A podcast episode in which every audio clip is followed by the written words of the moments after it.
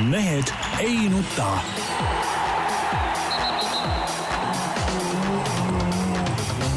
mehed ei nuta.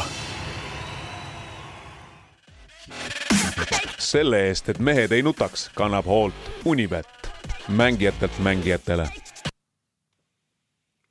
tere teisipäeva, Mehed ei nuta eetris erakorralisel kellaajal ja põhjus on selles, et Tarmo Paju ja Jaan Martinson on siin Delfi suurepärases stuudios, Peep Pahv kuskil äh, Saksamaal ja lennujaamas. Peep, räägi, mis sa teed seal? no kõigepealt tere, olen siin jah, Stuttgardi lennujaamas ja, ja tulen koos Eesti korvpallikoondisega tagasi enne valikmängult. et hakkame varsti lennuki peale minema. no ma ei tea, aega väga palju ei ole, kas me hakkame üldse mingi poliitikaga tegelema, sellepärast et kuidagi vaikne nädal on olnud, Peebu poisid ei ole kedagi peksnud sel nädalal ja noh, väike paus võib-olla poliitnurgast kulubki väike paus ära, aga ei, ei saa ikka. ühe no. vahemärkuse, ühe vahemärkuse pean ikka ütlema, et, et naeruväärne on lihtsalt see, kuidas, kuidas mõningad ringkonnad üritavad jätta muljet, nagu Eestis oleks viimasel ajal mingisugune mingi rusikakultuuri ja, ja vägivallalaine lahti läinud, et noh, see on, see on naeruväärne see, et ühte poliitikut natuke togiti nüüd ei näita seda, et asi oleks hullem, kui, kui ta on kogu aeg olnud või, või nagu ta tavaliselt on. väikseid siukseid juhtumeid ikka, ikka ette tuleb elus ja, ja see on täitsa tavaline noh, eks seal äh, lisaks, lisaks Tarandile, mis oligi suhteliselt väike asi minu arust, rippusid ka võllas mingisugused mikserid ja igasugu muud asjad, et need võib-olla minu arust no, natuke hullemad isegi. noh, no see on demonstratsiooni puhul ju suhteliselt tavaline. no ei tea, see juba minu arust ületab mingi joone, aga, aga ma olen Jaaniga nõus. aga kus, on kirjas, ei Tarmo, kus on no. kirjas, et kodumasinad ei tohi eh, nööri otsa riputada? ja, ja ei, tohib, tohib. no vot. nii, aga, aga lähme siis kohe spordi juurde ja, ja esimene teema on meil kohe korvpall ja ma kõigepealt juhatan selle asja sisse, ma sain eile äh, kaks elamust, üks neist oli korvpallielamus. et parasjagu loen ma raamatut äh, Müncheni olümpiamängude finaalist, äh, Nõukogude Liit, USA. eile just jõudsin raamatuga poole peale, kui hakati esimest poolaega kirjeldama ja muidugi ei pidanud vastu, võtsin siis lahti video ja, ja vaatasin kogu mängu ära. see, see oli tõsine elamus, kuid nii aneemilist korvpalli on ikka täitsa kohutav vaadata ütleme niimoodi, et, et Eesti koondis oleks ilma igasuguste probleemideta selle Müncheni finaali võitnud äh,. aga ei, video oli hea, raamat on ka hea ja teine elamus oli Eesti korvpalli vaadates pärast esimest poolaega, vaheajal hakkasin kanaleid klõpsima ja siis selgus, et Pervõi Baltiiski näitab filmi Lahingusse lähevad ainult ässad. ja Peep, arva ära, kummale ma siis nüüd keskendusin kas, kas meie korvpallile või filmile? no filmi lahingusse lähevad ainult ässad, olen minagi näinud oma korda kakskümmend võib-olla, aga aga see on kindlasti hea, aga sel hetkel oleks pidanud loomulikult korvpallile keskenduma. korvpallil ma vaatasin. korvpall on ikkagi, ikkagi nagu, nagu tähtis. Peep, ma vaatasin seda seisu, kui me oleme kogu aeg miinus viisteist, miinus kaheksateist, no ei ole põnevust, aga nii, mehed, andke, ma, ma võin teile rääkida filmist kuidas Kuznetšik seal sakslase alla laseb ja, ja, ja kõik muud niisugused asjad, aga, aga korvpallist rääkige nüüd teie. no Peep, kuidas on, tulete kilbil tagasi, nagu ma aru saan? ei no kilbil. kollektiivsel kilbil jah, no tegelikult väga-väga äh, raske on midagi mõistlikku sellise nende kahe mängu järgi öelda, et sel, selge on see, et, et äh, vähemalt selline koondis on muidugi parem vaadata, kui oli see septembrikuine koondis, aga see ei tähenda muidugi seda, et me oleksime praegult ikkagi kuidagi nagu, kuidas ma ütlen, nagu väga konkurentsivõimelised, me oleme natuke konkurentsivõimelised, aga, aga, aga mitte, mitte nagu päris, et, et nii see Gruusia mäng kui ka eilne Saksamaa mäng näitas, et, et ütleme, siuksest Euroopa, Euroopa, ütleme, tugevatest keskmikest või, või, või siuksest tugevamatest satsidest meil on ikkagi, ikkagi päris mitu, mitu sammu oleme maas et see just puudutab, noh, kõik, kes eile mängu vaatas, kõik said ju aru, kuidas, kuidas sakslased äh, kaitses äh, surusid, et noh, Eesti meeskonnas polnud nagu ühtegi sellist meest, kes esiteks suudaks niimoodi kaitses suruda, teiseks, kes, kes suudaks selle, selle surve all ka ellu jääda. et noh, seal päris mitu märksõna ju tegelikult äh, nendest mängudest tuli välja, et äh, noh, alustades ikka, ikkagi nagu pikkade probleemist olukorras, kus meil, ma saan aru, Janar Taltsi vist vaevas Peep ka mingi vigastuseks, vastab see tõele? ma nüüd jään selles suhtes, ma jään nüüd küll siin mingid, mingid jutud on, et seljaga tal on, et seljaga tal on mingisugust probleemi, vähemalt kui ma trenni tegi küll, ka mänguväelse trenni ja nii edasi, et tegi küll kõik täies, täies mahus kaasa. et ütleme ausalt öeldes, ausalt öeldes vigastuse teemadest ma taga, taga tegelikult ei räägi. et ütleme, meil, meil tegelikult ju nagu korvialuseid mängijaid olukorras, kus Janar Talts noh, ütleme väidetavalt äh, oli tal mingeid probleeme, eks ole, seal vaevamas, pluss ta ei tegele ju enam Kalevis ju nagu noh, kuidas ma ütlen seda, päris profikorvpalluri karjääri võib-olla enam ei edenda endal, võib nii öelda? no seda kindlasti mitte, jah. just, et, et, et ja, ja, ja see veel juurde panna sealt edasi, ütleme meil ju nagu pikkade osakond, korvialuste mängijate osakond, noh, tegelikult puudus selles koosseisus antud juhul. Äh, sealt edasi number kaks, eks, ongi seesama äh, Tarmo, aga ma nüüd segan tead vahele. Äh, ma ei usu küll, et kui nüüd ütleme, Nurger Kotsar oleks juures olnud, et meie korvialune osakond oleks millegipärast olnud tugevam, kui ta oli, oli Taltsi ja, ja Kanguri esituses, et, et selles suhtes see on, selle mõttega ei maksa ennast minu arust petta. ei, kusjuures ma ei mõtle seda nagu isegi petmisena, vaid see on nagu lihtsalt fakt, mis hakkas silma mõlemas mängus. et sealt meid ju tapeti päris kõvasti mõlemas kohtumises ja väga teadlikult tegelikult oli see taktika Eesti vastu valitud. teine asi, teine asi, mis on nagu ilmne nende mängude põhjal, on see noh, kõrgel tasemel korvpallurite puudus ikkagi, et peale Siim-Sander Vene, kes on sel hooajal Hispaania liigas tõestanud, et, et tal see tase on tegelikult olemas, kuigi antud hetkel on ta ka, ka kahetsusväärsel moel ikkagi klubita. meil tegelikult ju ei ole selliseid mängijaid, kes, kes regulaarselt ütleme, ma ei tea, kas suudaks või noh, fakt on see, et mängiks, VTB liiga mehed nüüd välja arvata, sellisel tasemel kas või nagu need Saksamaa, ütleme siis B-koondise mehed, kes meil eile, eile vastu tulid ikkagi ja, ja no ilmselgelt, ja ma tahtsin vaadata, ilmselgelt tõi välja see, et need, kes, need mehed, kes ainult seda kodust Eesti-Läti liigat, nendel oli nagu eriti raske eh, kohaneda eh, nende mängudega, no võtame siin eh, nii Janar Talts kui, kui Rain Veidemannki, eks ole, no okei okay,, Veidemann eile viimasel veerandil, kui mäng oli tehtud, siis hakkas, hakkas ka korve tegema ja, ja, ja kuidagi mängima, aga, tegelikult nii mängus Gruusia vastu kui, kui ka eile esimesel poolel ta ikkagi seda enda rolli ja, ja seda asja ikka otsis päris kõvasti, et see selline siukse, kuidas ma ütlen, kõrgemal tasemel mängupraktika puudumine oli, oligi üks võib-olla üks tähtsamaid võtmesõnu, et miks, miks me ei saa nagu sellistele meeskondadele vastu. ja ütleme, üks nüanss, mis me oleme harjunud siin ja armastame ju rääkida viimasel ajal sellest, kuidas meil noh, tegelikult terendab nüüd kuidagimoodi väga selline ere tulevik, vaadates kõiki neid noori, kes on noortekoondiste eest hästi mänginud, varakult välisklubidesse läinud, ütleme, me saime minu arust nende kahe mänguga nüüd võib-olla ka väikese nagu hoiatuse, et ega see nüüd niisama lihtsalt kõik ei käi, et pean silmas Kristjan Kullamäe näidet eelkõige, kes siis nagu praeguses koosseisus oli, ütleme, Kaspar Treieriga koos siis sellest oma põlvkonnast kaks mängijat, et see ei käi niisama lihtsalt, et sa tuled ja meeste vahel võtadki sama rolli üle, nagu sa oled harjunud võib-olla noortes, isegi, isegi Saksamaa esiliigas, mis nagu tema isa Gerd Kullamäe ütles ka eilses ülekandes, on ka ikkagi selline väga nii-öelda nagu noori täis liiga esialgu veel. et see samm on ikkagi kõige raskem samm, mis nüüd nendel noortel kõikidel ees seisab. Ja kuskil pole ühtegi garantiid, et äh, ammugi pole garantiid, et nad kõik teevad selle sammu edukalt ära. Ja kuskil pole tegelikult garantiid, et, et vähemalt üks või kakski selle sammu väga edukalt ära teevad.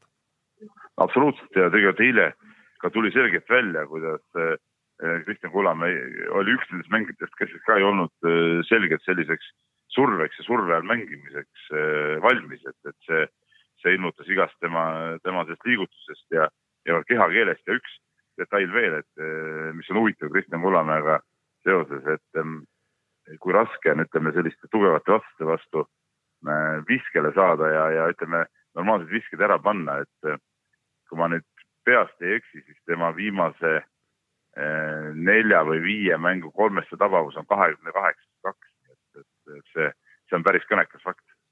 ja samas, kui me nüüd tulevikku vaatame, siis äh, lõppkokkuvõttes on meil just ju äh, ütleme, toome võrdluseks Kalev Cramo näiteks, täna hommikul mul see paralleel tuli nagu meelde, et kui Kalev Cramo komplekteerib oma meeskonda, siis sellel, siis igal aastal on käinud jutt sellest nii-öelda äh, kuulsast äh, defense breaker'i väljendist. Et äh, tegelikult käib ju täpselt sama ükskõik millise korvpallimeeskonna kohta, kaasa arvatud Eesti koondise kohta. ehk siis, kui me vaatame tulevikku nüüd ja nendele kujudele, kes meil äh, ütleme, kelle puhul me loodame, et nad äh, nüüd teevad oma eduka läbimurde noorteklassist meesteklassi ja tõusevad staarideks, siis et Eesti koondis edukas oleks, on neid samu defense breaker'id ju sinna ka vaja täpselt samamoodi. ehk siis eriti oluline on see, et, et eriti oluline on see, mismoodi ja millised tagamehed meil ikkagi peale kerkivad. No ja, sellist tüüpi mängijad meil tegelikult äh, nüüd väga palju seal juurde tulemas ei ole ka ja, ja, ja, ja nagu, nagu ka eilne jälle ilmekalt näitas, ütleme noh, siiamaani on ju paljuski Eh, Rain Veidemann olnud natuke selles rollis, kes teeb seda teravust seal ja, ja möllab, aga, aga ütleme jah, ma ütlen, et kui sa eh, selle surve vastu kogu aeg ei mängi igapäevaselt, siis seal on ka see raske niisugust ise teravust teha ja, ja siis sa jäädki nagu jänni ja lased ennast ära suruda. see on nagu paratamatu ja kui me vaatame neid noori, siis ega, ega seal on meil ka terve posu igasugust viskaja tüüpi mängijaid, noh, võtame samamoodi Kullamäe, võtame, võtame Jurkatamme sealt Itaaliast, puhas viskaja, eks ole, kes on nagu tagamängija koha peal, et, et, et et, et nii on, et ega meil seal mingeid väga, väga selgeid tagamängija positsiooni vendi ei ole. ja seda oli ju eile selles mõttes ka näha, et see ainus mees, kes meil või ütleme noh, võib-olla ainus on, on nagu paha öelda, et ma arvan, et siin ütleme mingitel hetkedel mõlemas mängus ikkagi ütleme, Kalev Cramo mehed, osa vähemalt nendest minu arust näitasid, et noh, nende jaoks see tase nüüd üle pea kindlasti ei käinud. noh, Kristjan Kanguri ja Janari Jõesaare puhul ma eelkõige tahaks seda öelda, et et.... Jõesaar eile oli ikka väga. no eile, eile oli kehva tõesti, aga Gruusia vastu väga hea see-eest, et et kui see nii-öelda esikorvpallur on meil Siim-Sander Vene, siis tema positsioonist tulenevalt ja mängutüübist tulenevalt vajab tema ka ikkagi nagu neid samu väga häid tagamehi üldse, et, et tal need võimalused tekkima hakkaks. nojah, ta ei ole see mängija, kes võtab äh, palli ja hakkab ise seal hirmsasti toimetama sellega ja endale neid viskekohti looma, et, et, et, et seda küll, aga mis, mis puudutab neid Kalev Cramo mängijaid, et et jah, nendel on see tänu VTB liigale on, on siis kõvade mängude kogemus olemas, aga, aga näiteks VTB liigas äh, mängitakse ikkagi ka natuke teistsuguses stiilis, kui, kui oli näiteks eilne Saksamaa mäng, et et VTB liigas on rohkem niisugune kiirem äh, üles-alla jooksmine katte kattes ja, ja, ja teravalt, aga Saksa mäng äh, oli niisugune, kuidas ma ütlen, hästi, hästi jõuline, hästi agressiivne, niisugune pusimine, palli suruti vägisi sinna korvi alla ja ja, ja omakorda kaitses võeti, võeti ka hästi-hästi sitkalt, et, et sellist, sellist mängustiili ei, ei kohta ka VTB liigas ja, ja tegelikult oli ka Kalevi mängijatel natuke raske selle kohane, aga see see, kogemuse ja, ja, ja võib-olla natuke kõrgema klassi pealt nad äh, said enam-vähem sellega ikkagi hakkama. Kristjan Kangur näiteks no Jaan meeleheitlikult näitab siin kõrvalt, kuidas see korvpallijutt tuleb nüüd ära lõpetada. ma nii palju lisan ainult, et, et üks märksõna kindlasti oligi seesama nagu näljasus, mida, mida tõesti VTB liiga mängudes tegelikult Kalevi vastaste puhul noh, tegelikult seni nagu ei meenugi väga, et et selline tohutu näljasus oli minu arust märksõna Saksamaa mängu juures, mida ei näinud me tegelikult noh, ei näinud me Eesti enda juures, aga ei näe ka tegelikult VTB liigas niivõrd. aga siin on üks selge põhjus ka olemas, miks see nii on. kuna Saksamaa koondises noh, on pääs ju MM-turniirile suhteliselt kindel, seal on terve hulk mängijaid, kellel on koondise koht suhteliselt kindel ja eile mängiti siis ikkagi paljuski sellise koosseisuga, kes on, ütleme seal eh, finaalturniirile pääsu piiri peal, siis iga mees, kes platsile sai, iga, iga selle sekundiga üritas ju tõestada, et, et just tema on eh, väärt seda kohta seal koondises ja, ja, ja nii mõnigi mees ikkagi kerkis seal ilmselgelt nagu esile ja suutis, suutis selle metsiku tööga, ütleme ennast, ennast, ma arvan, ka Saksamaa koondise treenerite silmis heasse, heasse kirja mängida jah, no paraku meie pigem peame tikutulega otsima, et saaks kaksteist meest kokku. paraku nii on jah, paraku nii on, et sakslaste see, see pink ja, ja, ja tagala on ikkagi nagu muljetavaldav, noh, et, et kui neil nii palju mängijaid oli puudu ja ikkagi saadi kokku noh, ikkagi väga-väga okei okay koosseis, et, et nad on ka ju kogu selle tsükli mänginud, ütleme nendes talvistes akentes ju siukse nagu ma ütlen, pooliku koosseisuga ja noh, turniiritabel räägib iseenda eest et üks kaotus ja ülejäänud kõik võidud. nii, aga nüüd halastame Jaanile ja laseme kõlli vahele. Ei, see korvpallijutt on väga-väga tore, aga kisub pikaks, me peame saate ükskord ära lõpetama ja Peebu lennuki peale laskma, aga kiire vahemäng ja räägime suusatamisest ja Tiim Haanja ja, ja Eesti Suusaliidu sõda äh, jätkub küll ütleme nii, et, et kaevikutes äh, aga väiksed rünnakud äh, mõlemalt poolt on, et Andres Laane ehk siis Eesti Suusaliidu president andis äh, teada, et äh, jah, et, et olukord on selline, tiim Haanjat ei toetata, aga kuuekümnendad kohad maailmakarikal ei luba nagu väga lihtsalt neid sponsoreid leida ja selle peale siis Anti Saarepuu, tiim Haanja treener, ütles, et noh, et kui suusaliit ei panusta mitte millegagi, et noh, et siis ei saa ju ka midagi nõuda. ja noh, mis ma siit nüüd ütlen, et, et ikkagi üks on ühes kaevikus, teine teises kaevikus, aga, aga ma siin soomlased käisid hiljuti vaatamas, kuidas Nor-, Norra koondis töötab ja treenib ja kõik, et seal on ikkagi suusaliit on kogu selle suusatamise taga, ei ole mingisuguseid tiimhaaniaid ega midagi. no kuuekümnendad kohad jah, ei luba sponsoreid leida, aga kuidas siis tiim Haanjal see õnnestus? ei no ja, Jaan, kõik on äh, tore, aga ma siin ikkagi näen nagu seda, seda süüd nagu mõlemal poolel, et, et selge see, et suusaliit peab, äh, peab koondise eest hoolitsema ja, ja see jutt, et, et äh, me neile nagu ei anna midagi, noh, see ei, ei kõlba kuhugi.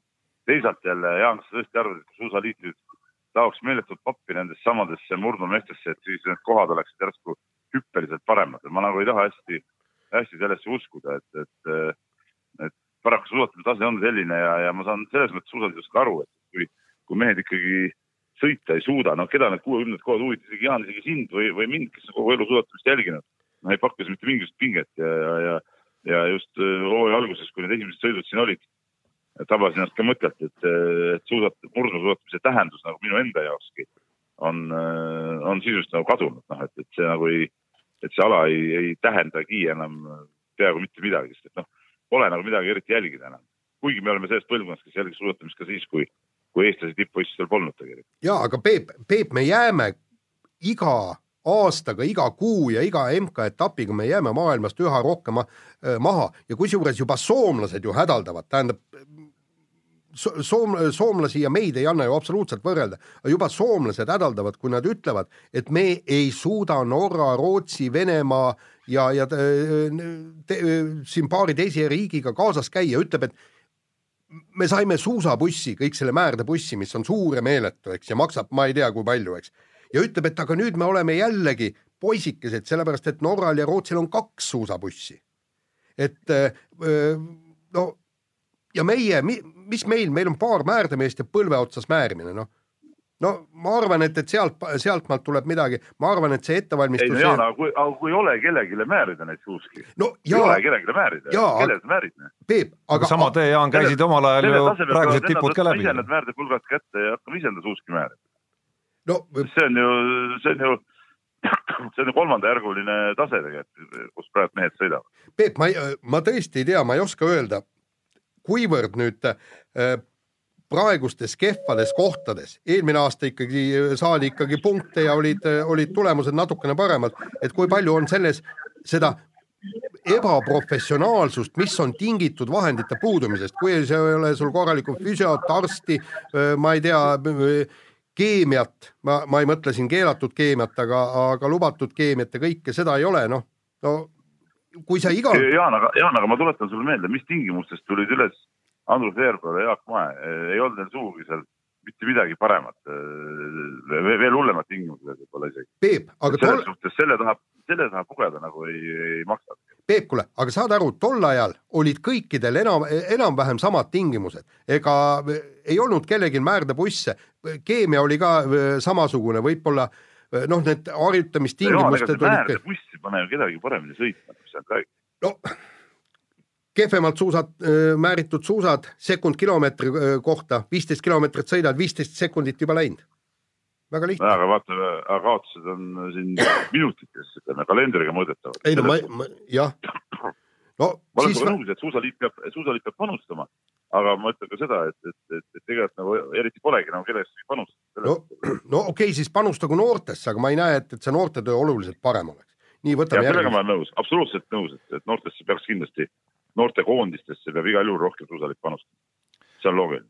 aga vahetame teemat. Äh, aasta lõpp on käes, detsember on käes, aasta parimate, populaarsemate aasta sportlaste, kelle iganes valimisaeg on ka käes ja Nikolai Novosjolovi noh, see ei ole esimene kord, kui ta ütleb seda lauset, et, et aasta parimate sportlaste valimistest tema sõnul on saanud aasta populaarsemate sportlaste valimine. Jaan kirjutas sellest ka väikese kommentaari täna. no põhimõtteliselt kahjuks, kahjuks see nii ongi, noh, see on ja, ja see on väga halb tegelikult, et see nii on läinud ja see on, see on halb, miks see nii on läinud, on sellepärast, et väga võimsalt tuleb esile nii-öelda rahvahääletuse hääl ja, ja tegelikult tuleks see, see jama ära lõpetada, et rahvas saab hääletada, sest et peaksime ikkagi valima parimat, mitte, mitte, mitte populaarset.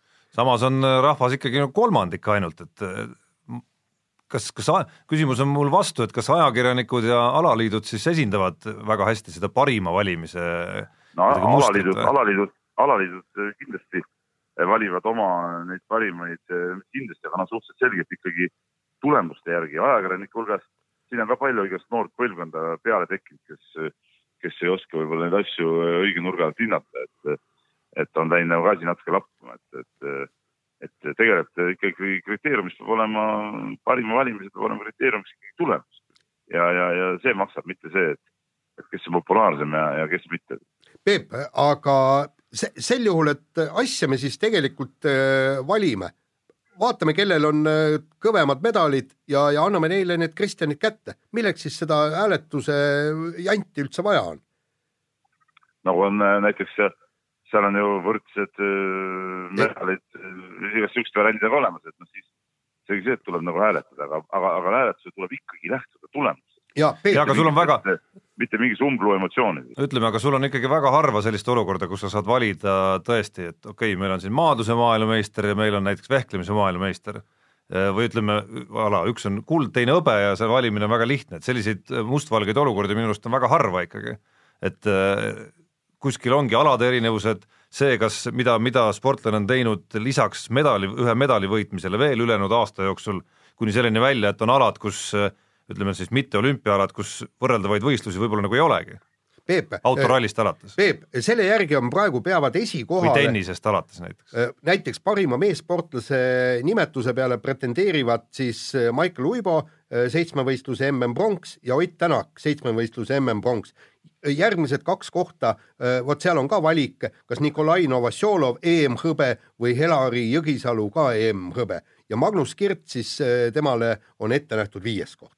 Kõik, paneme, paneme asja lukku ja kõik. no ei no vaata päris, äh, ma ütlesin veel kord, et päris üks-ühele ei saa seda võtta, küll aga peab vaatama medalite järgi, et sisevõistluste medal, ehk siis kui me võtame ulbamedali, no ei ole ikkagi päris võrreldav välisvõistluste medaliga, noh paraku, paraku ta nii on selge see, et suurim soosik on, on Ott Tänak, no siin ei ole ju midagi, midagi rääkida, mm pronks on, on mm pronks. Äh, Kirdi kasuks, kuigi tal on EM pronks ja, ja siin Novosjolovil hõbe, eks ole, Kirdi kasuks räägib see, et tema võistlused, äh, ütleme, teemantliigas, mis annavad, annavad kõvasti nagu boonust juurde läbi hooaja, aga naistest on ju asi ka klaar, noh Katrina Lehis Euroopa meister, no siin ei ole midagi üldse rääkida no,. sel, sel. kellelgi teisel ei ole mingit. ja, aga Anett Kontaveit ei saagi siis kunagi Eesti parimaks sportlaseks kerkida, kuna temal ei ole ei EM-i ega MM-i. ma tahtsin sellesama no, näite, tahtsin sellesama näite, Peep, just. tulema, just tulema suure slam'i turniiril, kes võitjaks või vähemalt finaali. ma tahtsin sellesama näite just tuua, et sel aastal jah, ma arvan äh,, ei tohiks nagu Lehise puhul mingit kahtlust olla, aga ütleme kui, kui hakata nagu ette heitma seda populaarsuse arvestamist, siis minu arust see iseenesest on nagu viga ja see Kontaveit ja tennis on väga hea näide, kus äh, populaarsus ei ole lihtsalt populaarsus, vaid populaarsus on tingitud sellest, et tegemist on maailma ühe nagu nii-öelda suurema tähelepanu, tähelepanu all oleva alaga, pluss ma pakun ka, et üks kõige konkurentsitihedamaid alasid üldse ja teine asi no, ehk siis, ehk siis öelda nüüd, et vehklemises on konkurentsitiheduse puudus, ei saa nüüd ka ütelda. no ütleme rahvus-, tennisega mitu, mitukümmend, mitukümmend naist, kes võivad tiitlivõistlused võita, et, et selles suhtes see tipp on umbes, umbes sama tihe kui, kui tennises ja, ja aga noh, tennisega ei anna seda võrrelda ikkagi, noh, seda, seda hulka üldse, mida, mida on vaja tennises läbida selleks, et jõuda sinna kahekümne hulka, see on võrreldamatu. tipp on alati samasugune, tipp on alati samasugune. jaa, aga see, et sinna tippu jõuda, sinna kahekümne hulka, see on võrreldamatu, Peep ja, seda küll, aga, aga, aga midagi pole teha, noh. ja, ja, ja, ja üks dimensioon tuleb siia veel mängu. ühte asja, ühte võistlust, ühte sportlast inimesed näevad, aga ma arvan, et enamus e-, eestimaalasi, kui Helari Jõgisalu neile tänaval vastu tuleks, nad ei, nad ei teaks, kes see on. Anett Kontaveidi, Magnus Kirdi ja Ott Tänaku äratundmisega ei ole vähimatki probleemi. Michael Uibo. nüüd sa, nüüd sa, nüüd sa nagu viisidki jutu selleni, et eh, rahvas valib populaarsemat, mitte parimat. ja aga ta ei tea selle, ta ei tea sellest Jõgisalust ega ka Novosjolovist, kes, kes intervjuusid ei anna, ta ei teagi, et üldse niisugune inimene eksisteerib. vot, vot see on nüüd see äh, kehv asi. Jaan, minu arust Novosjoloviga ilmus eh, eelmine nädal väga pikk intervjuu. ja Õhtulehes jah, väljaandes, nii et, et intervjuusid ei anna, ei vasta ka tõele. ei no ma, ma ütlen, et noh, et üks-kaks intervjuud, aga teine on kogu aeg sul pildis, kogu aeg inimene äh, vaatab seda ekraani peal teeb. siis sportliku tulemuse poolest paremaks kui see, kui see ei ole. ei tee, ei tee, aga vähemalt ühe- aga me valime, Jaan, parimat. Jaa, nõus, nõus. jah, nii sul ei ole mõtet üldse vaielda sel teemal. nii, võtame siis äh, järgmise teema ja äh, meie kuulsa kettaheitja Gerd Kanteri abikaasa Liina kurdab, et, et mitte midagi ei ole muutunud pärast seda, kui mees karjääri lõpetas, et enne tegi kettaheitjatrenni ja nüüd teeb korvpallitrenni, et käib kolm, kolm-neli korda nädalas äh, kossu mängimas ja ja äh, ma, ma ütlen siin äh, Liinale lihtsalt rahustuseks, et praegu on veel, veel hästi, aga vaata, kui Gerd hakkab näiteks golfi mängima, sest see on ikkagi niisugune nelja-viietunnine ettevõtmine ja kui sa golfi vaimustusse satud, siis sa võid äh, viis-kuus korda nädalas käia. Ja vot siis alles see aeg kulub. ja selle eest eh, tahaks kindlasti Kanterite perekonda mingis mõttes hoiatada muidugi, teisalt oleks Kanterit väga põnev golfiväljakutel näha, aga aga ma, ma vaatasin seda intervjuud, kus siis Gerd Kanter ja ja tema perekond olid pühapäeval Anu Välba saates. Ja ütleme, kui ma nüüd üritasin eh, noh, kuidagi jälgida ka lisaks sellele, mida nad räägivad, et kuidas nad on, siis mulle päris sellist muljet siiski ei jäänud, et ütleme, Liina laseb Gerdil eh, nii-öelda lihtsalt teha, mis mehel pähe tuleb ja kuidagi toob ennast eh, igas olukorras ohvriks, et mul on tunne, et seal see asi on oluliselt kõvemini balansis tegelikult, eriti pärast Gerd Kanteri nagu päris sportlaskarjääri lõppu. absoluutselt nõustun sinuga, Tarmo, sada protsenti. et Liina, Liina ei jätnud, Liina ei jätnud sellist muljet, et see, et temaga see nii lihtsalt peaks käima. Absoluutselt. nii, aga vahetame teemat, UEFA plaanib siis luua kolmanda klubide eurosarja meistrite liiga ja Euroopa liiga kõrvale. Ja küsimus loomulikult on, et, et ehk siit sünnib ka meie jalgpalliklubide jaoks mingit kasu, ehk siis asja tagamõte võiks olla see, et, et nii-öelda veel madalamalt oleks leida ja oleks võimalik riikidele anda siis äh, ja, ja ütleme, madalamate riikide klubidele anda võimalust mingisuguse eurosarja nagu alagrupi turniiri mängida, et see eurohooaeg ei oleks ainult äh, üks või kaks äh, play-off ringi ja siis alati need tugevamate jalgpallimaade klubid hakkavad mängima seda nii-öelda regulaarset äh, mängu, nii-öelda rahvusvahelist mängu pakkuvat alagrupi turniiri, vaid, vaid võib-olla ka Eestil oleks üks klubi, kes siis kuidagi vähemalt kuus euromängu näiteks saaks ühes alagrupis, mis iseenesest tundub nagu väga mõistlik mõte no tegelikult kõik vana hea tuleb eh, ükskord tagasi, et, et tegelikult on ju, ju ajalooliselt ongi olnud kolm äh, sarja, oli, oli meistrite karikasari, karikavõitjate karikasari ja, ja UEFA karikasari. ja UEFA karikasari oligi nii-öelda siis nende nii-öelda äh, klubidele, kes siis ei olnud tulnud meistriks, ei olnud tulnud karikavõitjaks, aga tahtsid eurosarjas mängida, seal oli riikidel rohkem kohti ja nii edasi, see oli juba, juba õndsatel kaheksakümnendatel niimoodi, Jaan, sa mäletad ka ilmselt väga ja hästi seda seda aega, et, et mingi, millegipärast mingi aeg see, see kaotati ära, et nüüd, nüüd tagasi tuleb äh, täitsa loomulik, see näitab veel kord, kui veel rutakaid ja lolle otsuseid vahepeal äh, vastu võetakse. ja aga, aga nüüd tundub, et, et Eesti klubidel on lisamotivatsioon, sest äh, nagu ma saan aru, kaks klubi on ajaloos jõudnud nõnda kaugele, ehk siis läbinud meistrite liiga ähm, kaks eelringi ja, ja mis tähendabki, et nad oleksid saanud kolmanda liiga puhul, olekski saanud äh, sinna äh, nii-öelda alagrupi turniirile. Ja ma kujutan ette, et, et seal makstakse seda pappi ka ikka päris, päris äh, mehkalt.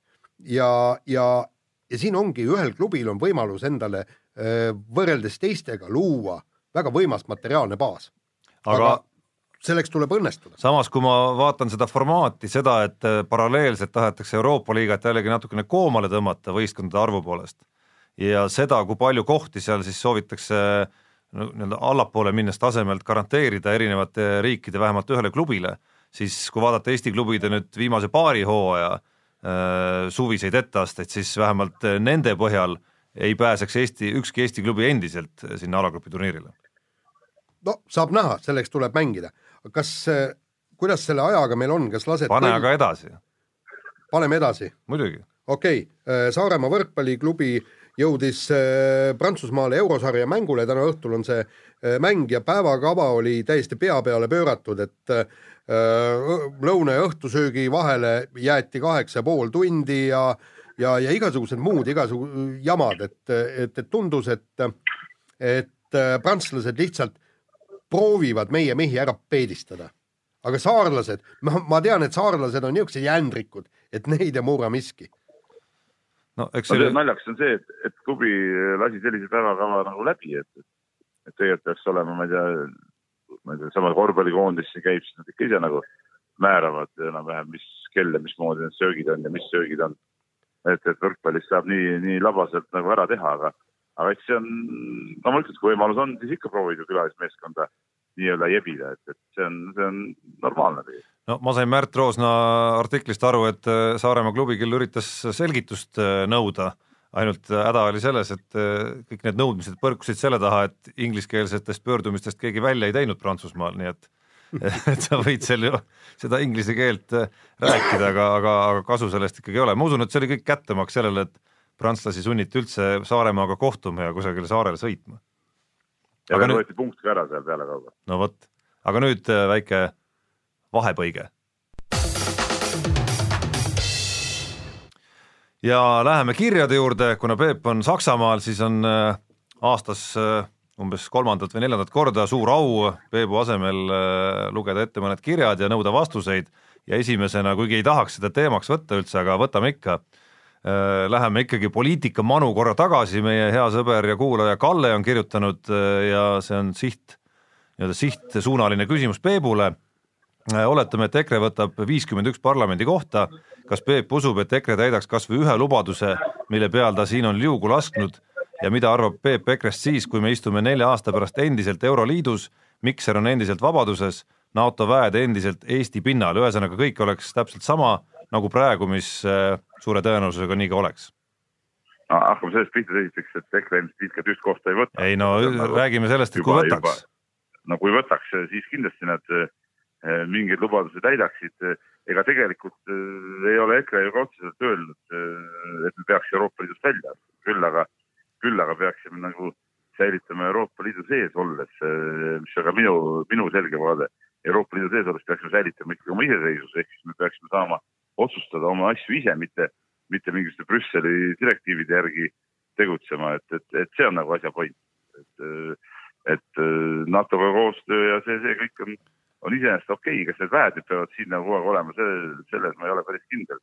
sest erinevalt paljudest ma nagu ei näe nagu mingit, mingit suurt ohtu siin meile kuskilt tulemas, aga, aga, aga jah, aga see Euroopa Liidu värk on küll, et, et see on, see on okei okay asi, kui, kui me ei müü enda iseseisvust sinna maha selle, selle peale.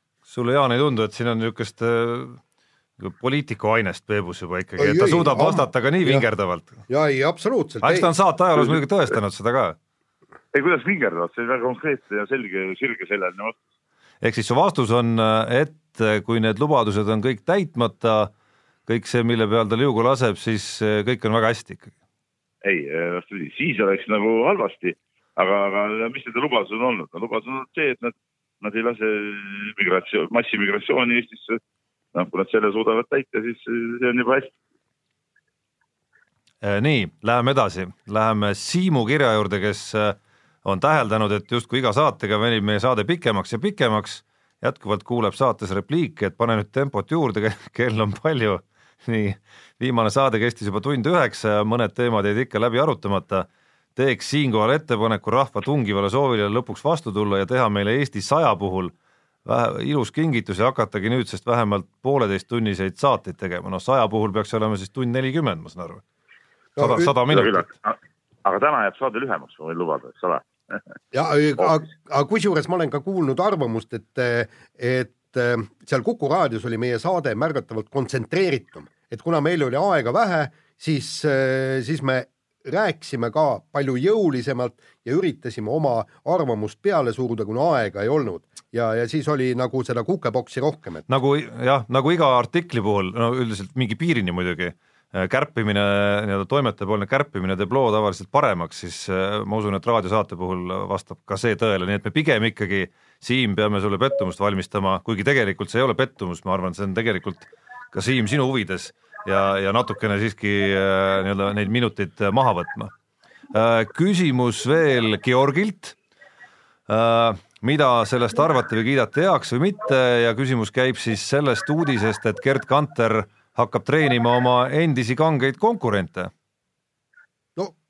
jumala eest, andku, andku aga takka no,. jutt käib ole..., jutt käib siis Pjotor Malahovskist ja no. Robert Urbanekist, kellega tal koostöö on tekkinud. no ütleme niimoodi, et, et inimene peab ju pärast äh, karjääri lõppu leiba teenima ja kui ta suudab ennast äh, treenerina läbi lüüa, no tervitame kahe käega ja aplodeerime, aga siiamaani ei ole tema äh, treeneri oskused väga vist varjuvalt välja paiskunud, sellepärast et noh ei, no Martti Kupperi tulemused ei parane. just täpselt jah, just, just. et, et siin väike ütleme, Poola poisid peaksid olema juba ettevaatlikud, aga, aga noh, eh, ütleme, Kanter oli ise veel tegevsportlane eelmine aeg, nüüd ta enam ei ole tegevsportlane, äkki, äkki nüüd äh, asjad muutuvad. no saab näha.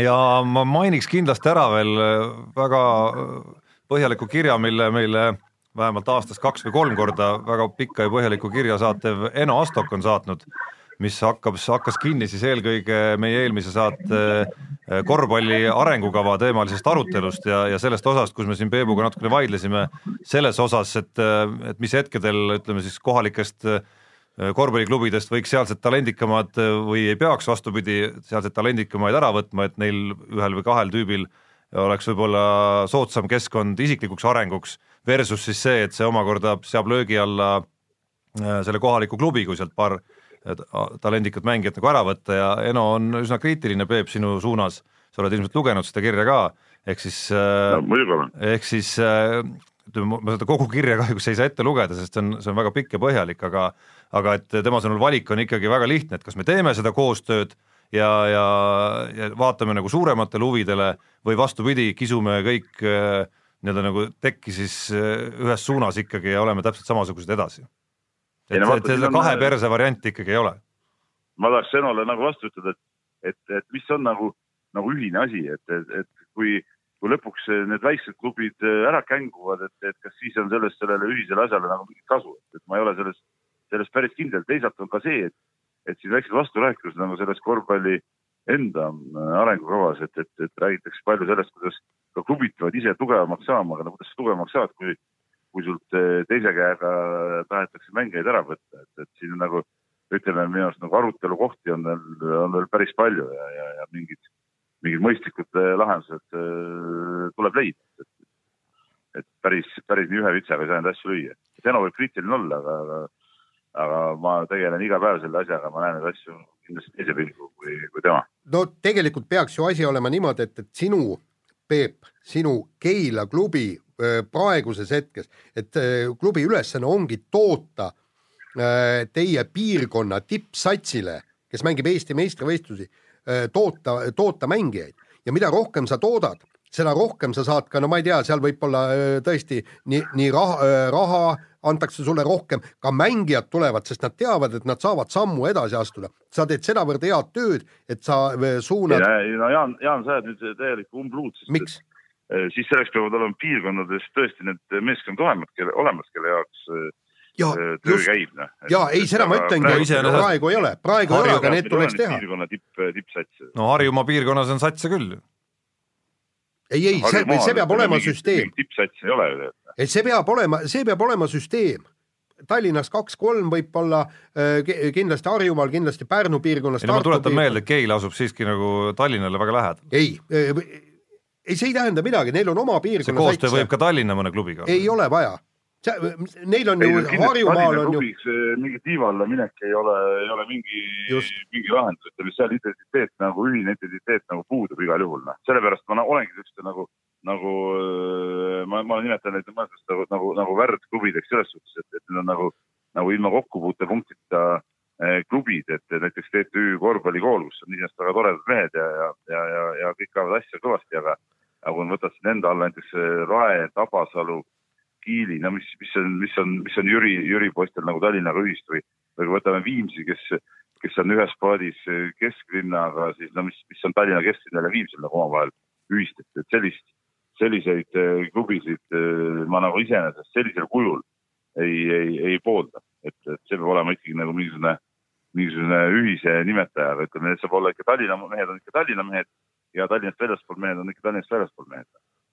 nii ongi uh et, et ei, ma siiski, ma siiski Eno kirja natukene jätkaks, sest tal oli teine teema veel selles kirjas ja oleks äh, nagu totakas, kui ma selle osa jätaks äh, kajastamata siin saates. ehk siis äh, teine osa Eno kriitikast läheb siis ütleme meie enda pihta, ehk siis spordiajakirjanduse ja, ja konkreetselt siis ka meie enda, ütleme siis Delfi Päevalehe ja eelkõige selle portaali osapoole Eno on väga kriitiline ja ütleb, et Delfi spordiosast on peaaegu võimatu leida artikleid, mille pealkiri ei oleks nii-öelda clickbait, vähe on äh, nii-öelda tasemel äh, reaalset spordiajakirjaniku mõttetööd kajastavaid äh, artikleid, kaitseb siin Jaani natukene, aga siis tulevad temalgi Eno sõnul artiklitesse sisse mingid naeruväärsused nagu Carlos Vents. ja Eno mõte on siis see, et, et okei okay,, Peep siin on või noh, seda võib laiemalt võtta ka meie peale, et, et justkui nagu tunnistame, et teeme klikikuradid, teisalt tahame, et oleks äh, kvaliteet parem, et äh, see kõik on ju tegelikult meie enda kätes, et valik on sinu, Peep. tsiteerin Enot praegu no,. kas valutame, kas valutame südant Eesti spordiajakirjanduse taseme üle või teenime nui neljaks klikikuradit ja see on nüüd tsitaat no eks neid tuleb, tuleb mõlemat teha, et, et kui pole klikke, Tarmo, ka sina vead väga hästi seda, siis pole ka, pole ka raha, eks ole, et kui pole lugejaid, et, et peab olema lugejaid ja peab olema ka kvaliteeti.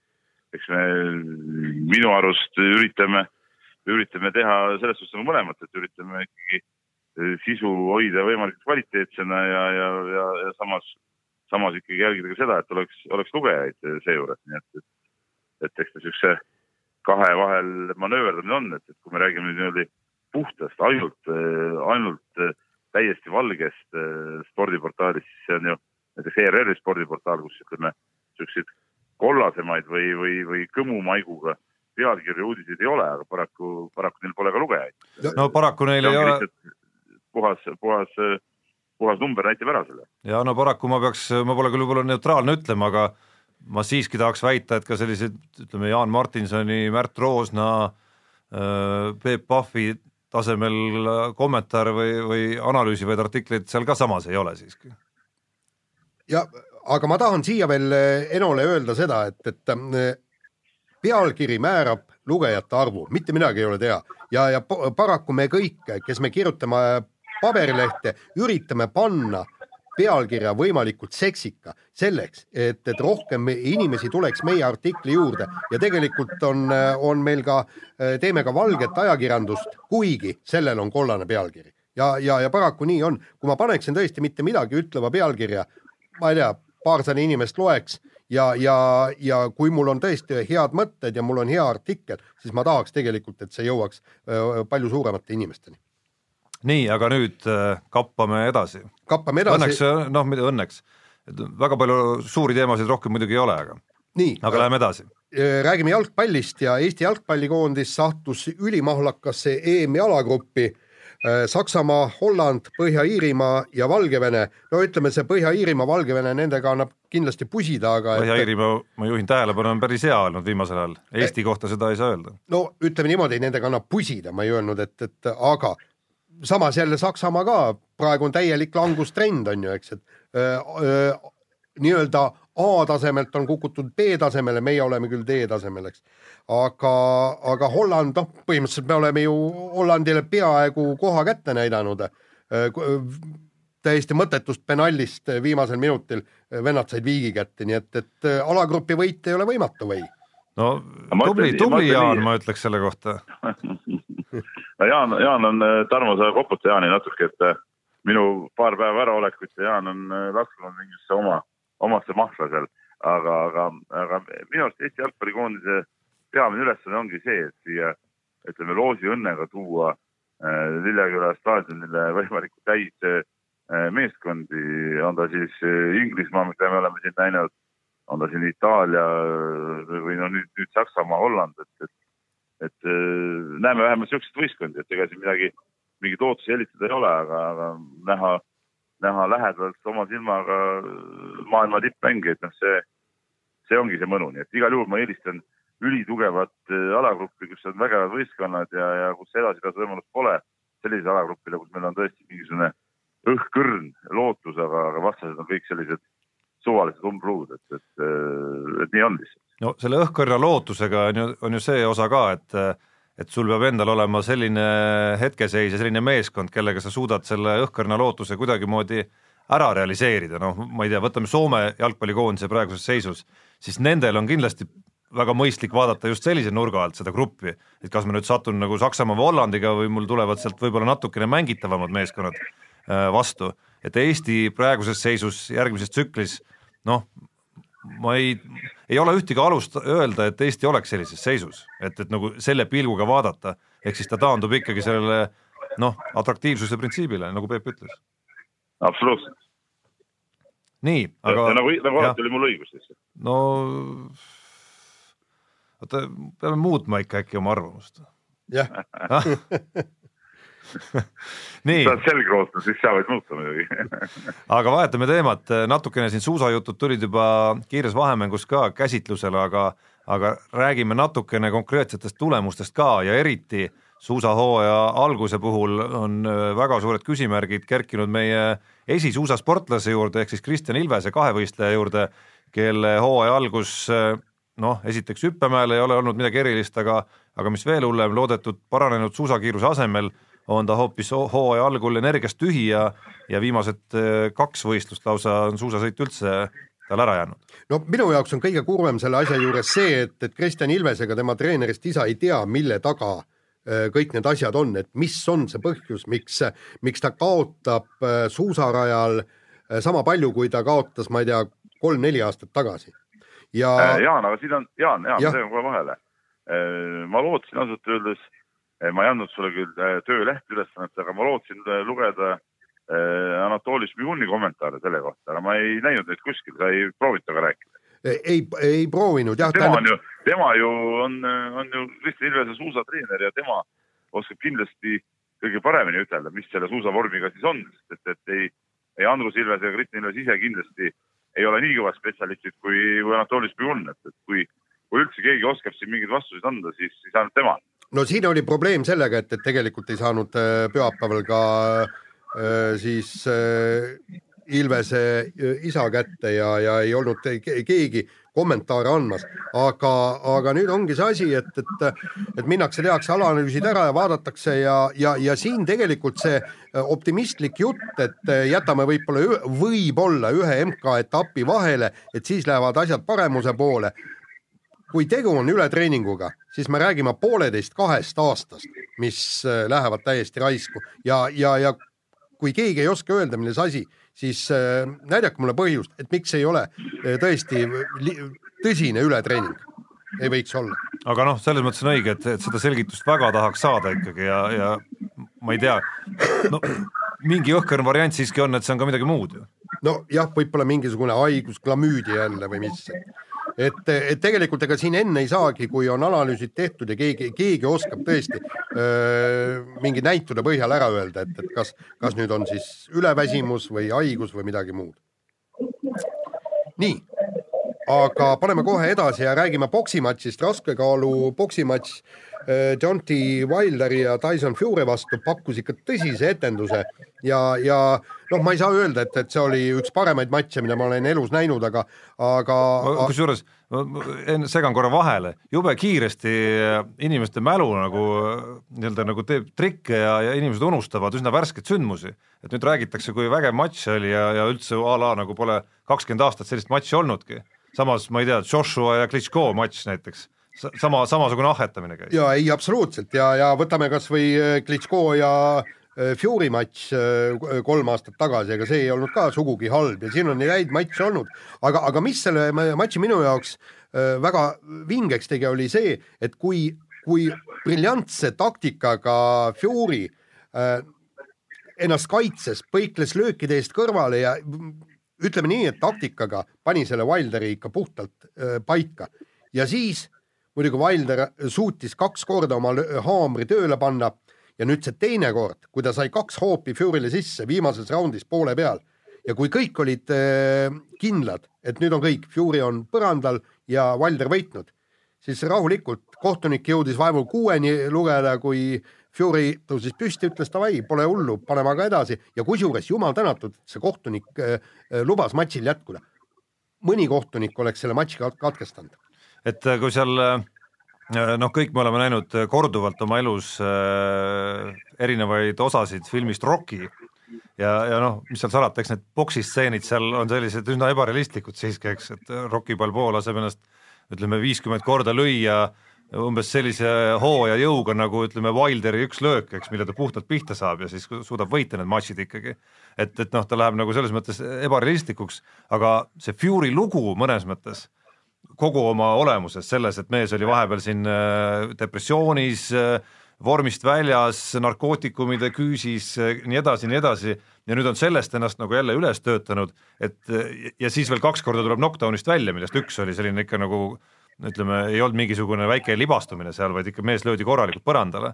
et siin oli nagu väikeseid elemente täitsa nagu päriselust ikka olemas, et kindlasti, kuigi see matš lõppes viigiga, oli Fury selle matši noh, nagu nii-öelda suurem võitja ikkagi, et äh, Wilder oli see, kellelt oodati, et ta võidab Furyt kindlasti, aga Fury pigem oli see, kes praktikas näitas, et tema oskab poksida, aga Wilder oskab noh, ütleme siis metsikult lüüa, vähemalt selle ühe matši järgi. Ja kusjuures ma, ma lõpuks olen ikkagi selle viigilise tulemusega ka mingil määral rahul, sellepärast kui, kui vaadata nüüd äh, raundide võite, siis oleks pidanud tegelikult äh, Fury selle matši võitma, aga samas tõesti. oota, Jaan, ma nüüd segan vahele, ma küll see matš ennast, seekord jäi mul see boksi matš nagu vahele, ma matši mm. ennast ei näinud. aga, aga jutt sellest, et sa viigiga oled rahul, on nagu totrus, sest et minu arust viik peaks olema üldse välistatud, et, et kui kui on viik, siis tuleb panna nii-öelda lisaraund ja ongi kõik. Noh. ja karistuslöögid, eks ju. seda ja, osadel, osadel võitlusaladel on see täiesti tavaline ju.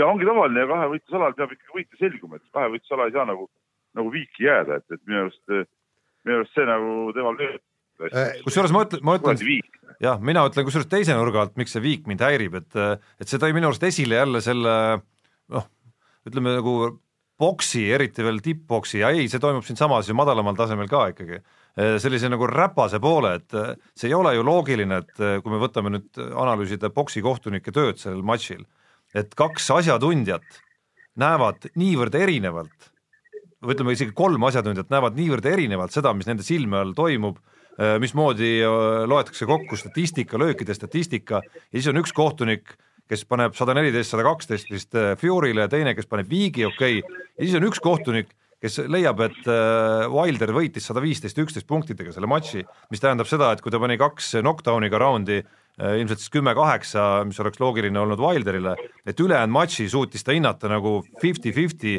ehk siis viis-viis raundid ja seda see kindlasti ei olnud.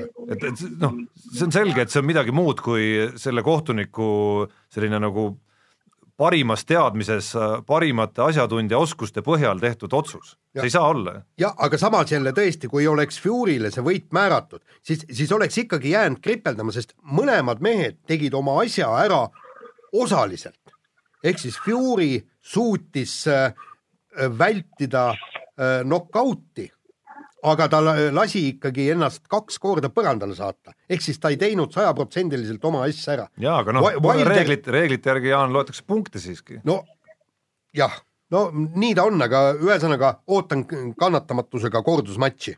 aga saate lõpetuseks äh, laseme siin meestel natukene rallist ka rääkida, tundub, et Citroeni rallitiim on ennast äh, Sebastian Ogieri palgates äh, lõhki kulutanud, ehk siis uuele hooajale minnakse vastu ainult kahe autoga ja no põhimõtteliselt äh, põhjus on see, et, et Red Bull tuleb uuesti peasponsoriks, aga Abu Dhabi äh, lahkub ja, ja, ja veel kaks kuud tagasi äh, Citroen lootis, et mõlemad sponsorid jäävad, et siis nad saavad kenasti kolme autoga, võib-olla nelja sõitjaga starti minna, lööbi palgata võib-olla paariks-kolmeks ralliks. nüüd nii ei ole, kahe autoga minnakse, Ogierile minnakse vormistama maailmameistritiitlit, aga pagana kahju, et et, et üks väga hea rallisõitja jääb tööta, vähemalt üks. ei no see on jama, aga samas eh, Jaan, tegelikult see on ju kogu aeg teada olnud, et eh, Abu Dhabi ei ole nõus Red Bulliga äh, koostööd tegema, et see ei ole ju, ju mitte, mitte niisugune uudisvälk selgest taevast, vaid, vaid see on, see on kogu aeg teada olnud, et, et huvitav, mille peale üldse Citroeni mehed nagu lootsid, et, et, et see teistmoodi järsku peaks olema ei, aga, aga see oli, see oli konkreetselt, see oli Hispaania ralli ajal, kui, kui ma käisin seal, tähendab mitte mina, aga no kõik ajakirjanikud tulid sinna Citrooni bosside juurde aru pärima ja oli, oli pikad intervjuud ja siis, siis ikkagi öeldi, et praegu on võimalus, et mõlemad säilivad, et tõsised läbirääkimised käivad. Aga, aga need läbirääkimised, kusjuures nad tegelikult ikkagi Red Bulli mingil määral see Abu Dhabi talub ta päris nii ei ole, et, et Red Bull on välistatud. sellepärast, et äh, seesamune lööb ju sõidab ka oma Red Bulli mütsiga ikkagi. no aga selgitage juba siis kuulajate jaoks puust ja punaseks ka, mis nende kahe vahel on, et nad nagu justkui üldse ei talu teineteist? ei, ma, ma ei oska öelda täpselt, et, et mis seal ta, taga on, aga seda kuskil kuluaar, kuluaarides räägitakse, et, et no, nad ei talu teist. nojah, seda ma, ma ka seda tausta täpselt ei tea, aga aga seda on kogu aeg räägitud ja, ja, ja, ja sellepärast see nagu ei olegi nagu, nagu otseselt mingi, mingi üllatus, nojah, et kui nad lootsid tõesti võib-olla, et saavad, saavad seda asja teistmoodi ajada, aga, aga üldiselt praktika on näidanud, et need nagu kaks ühte tuppa ära ei mahu igatahes.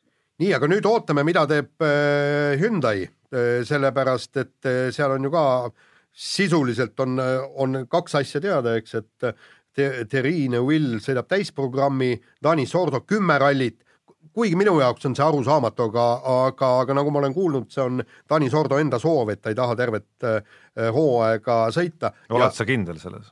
no jällegi, nii räägitakse, nii räägitakse. nii räägitakse, Jaan, aga mulle tundus see jutt igatahes kohe väga kahtlane, et, et ma arvan, et Sordo lihtsalt, lihtsalt ütleb seda sellepärast, et, et asjad, asjad nii on, et ta üldse sõita saaks, et, et ega siin muud, muud, muud midagi pole, et et tegelikult äh, ütleme rallimeest, kes ei tahaks tervet täit hooaega sõita ja mis seal, mis seal vahetamas kümme rallit juba sõidad, et miks sa ei või siis neliteist sõita.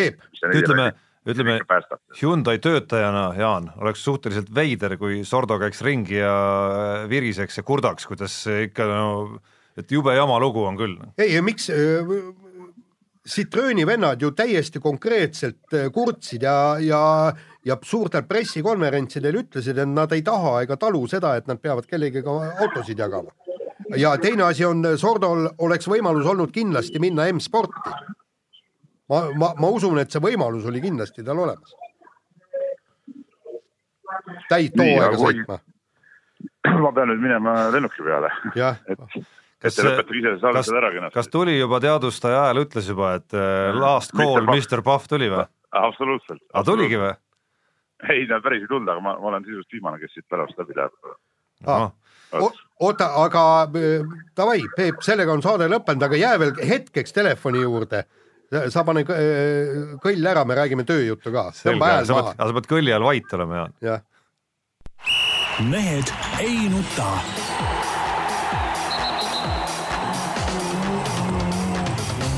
Mehed ei nuta